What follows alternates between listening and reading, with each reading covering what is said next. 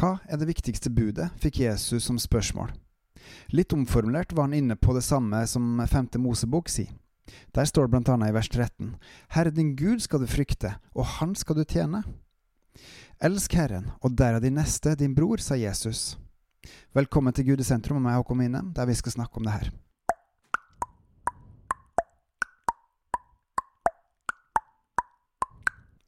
Hvorfor skal vi ikke følge andre såkalte guder, av de folks eh, såkalte avguder som bor omkring oss? Hvorfor skal vi ikke friste Herren med avgudsdyrking? Hvorfor snakker Jesus om å skjære av greiner som ikke bærer frukt på vintreet? Hvorfor eh, kaster Jesus ut troende som ikke hjelper sin neste, men bare bygger sitt eget rike? Herren er en nidkjær Gud som er full av rettferdighet og ønsker det beste for alle folkeslag, det å kjenne Han. De som ikke er med Han, er mot Han.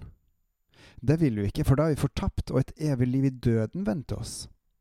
Noen tenker at det verste som finnes, er en fysisk krig, men et evig liv i døden, det er det vi må frykte. Hva vil det egentlig si å frykte Herren, sånn som 5. Mosebok 6,13 sier? Salomos ordspråk sier at det å frykte Han er å hate urettferdighet, slik Han gjør. Derfor skal vi tjene Herren, for Han vet hva rettferdighet, sannhet og glede er. Den finner man kun i Han. Derfor sier Moses i kapittel eh, 6 vers 1-3.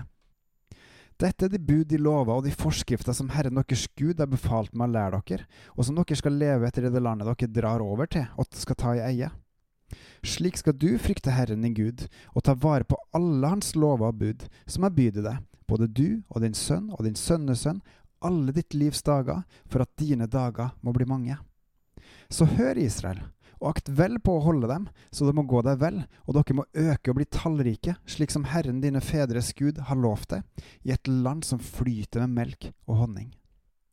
Legg merke til alle velsignelser som følger landet, folket, og ikke nødvendigvis enkeltmennesket, som følger alle Herrens eh, GT-lover og bud. Lover og bud. Og hva, med, hva er hensikten? Rettferdighet og godhet, slik det var i eden til å begynne med, og ingenting ondt, bortsett fra en fallen enkel. Gud er en nidkjær Gud, og hans vrede blir opptent mot de urettferdige, også blant de som kaller seg troende, men viser med livet sitt at de ikke er det, fordi det ikke bærer frukt. Gud, hjelp oss. Uten din barmhjertighet er vi fortapt. Frels oss og kall oss til omvendelse, for ditt navns skyld, sånn at flere følger og tjener deg og ditt ord, til din pris og ære. I vers 17-18 står det:" Dere skal ta vare på Herrens deres Guds bud og hans vitnesbyrd og hans forskrifter som han har gitt deg.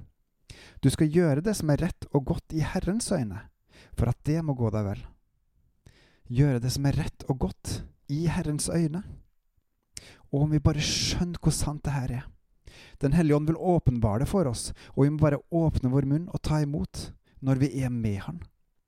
Skal man skjønne hva som er rett og godt, hva Hans lover og bud er, hva Han vil at vi skal gjøre i rettferdighetens navn, ja, da må vi gå til Han og være med Han, få opplæring av Han, og så tjene Han i praksis etter det. Ingen frukt, ingen tro. Ingen tro, ingen frukt. Det er kun Herren som gir tro, som gir frukt, og de som forvalter trua, bærer frukt. Bebels, rett og slett. Sjekk episoder fra 2019 hvis du lurer på hva det er. I vers 4 står den sterke jødiske trosbekjennelsen. Hør, Israel. Herren er vår Gud. Herren er én. Videre står det, og du skal elske den Herren, din Gud, av hele ditt hjerte, og av hele din sjel, og av all din makt. Intet mer, intet mindre. Det her er det rette og sanne å gjøre, for da vil du vokse i rettferdigheten, gleden og visdommen, og du tjener Han ved å tjene andre. Iblant kan å føre sorg på noen medmennesker være til det gode, for da kan de omvende seg. Og sånn er det nok i våre dager, når de færreste av oss kristne vet hva som står i Bibelen, hva som er rett og godt i Herrens øyne. Vi sårer Gud og veit det ikke. Vi tilber andre guder avguder og veit det ikke. Eller kanskje ikke det stemmer, for trolig veit vi det, og gjør likevel ikke noe med det. Hvor langt kan vi synke og likevel troende i Guds øyne? Hva er det Gud ønsker? barmhjertighet. Den samme barmhjertigheten vi har vist overfor ukrainerne, den sterke barmhjertigheten, ønsker Gud at vi skal ha for Hans rike. Og hvem består Guds rike av?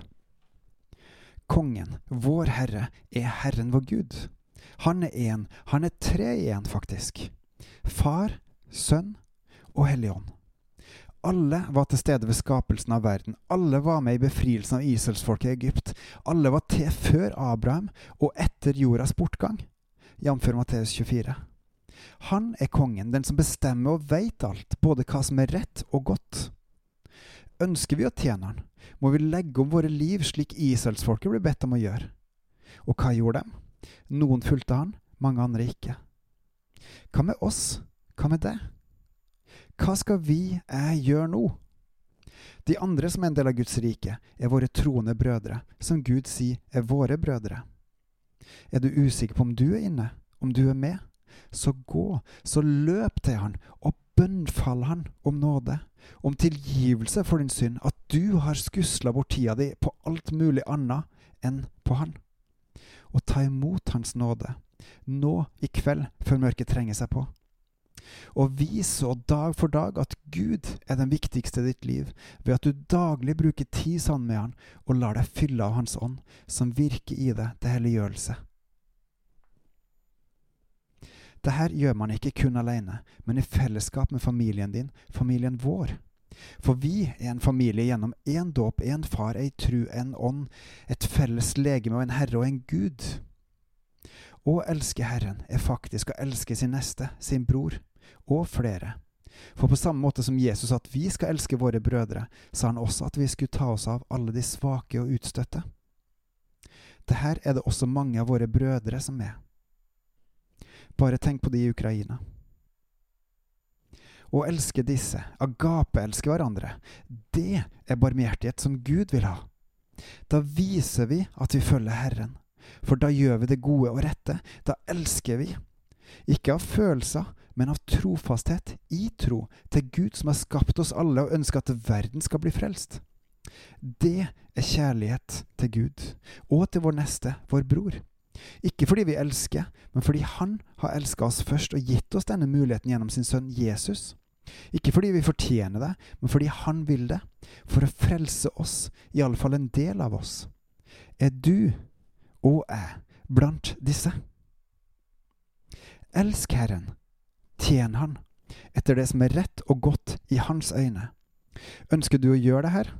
Gå til Han daglig og få opplæring i Hans kjærlighet, ved Hans kjærlighet, gjennom Hans kjærlighet. Døra er åpen. Forhenget er vekke. Vil du gå inn? Nå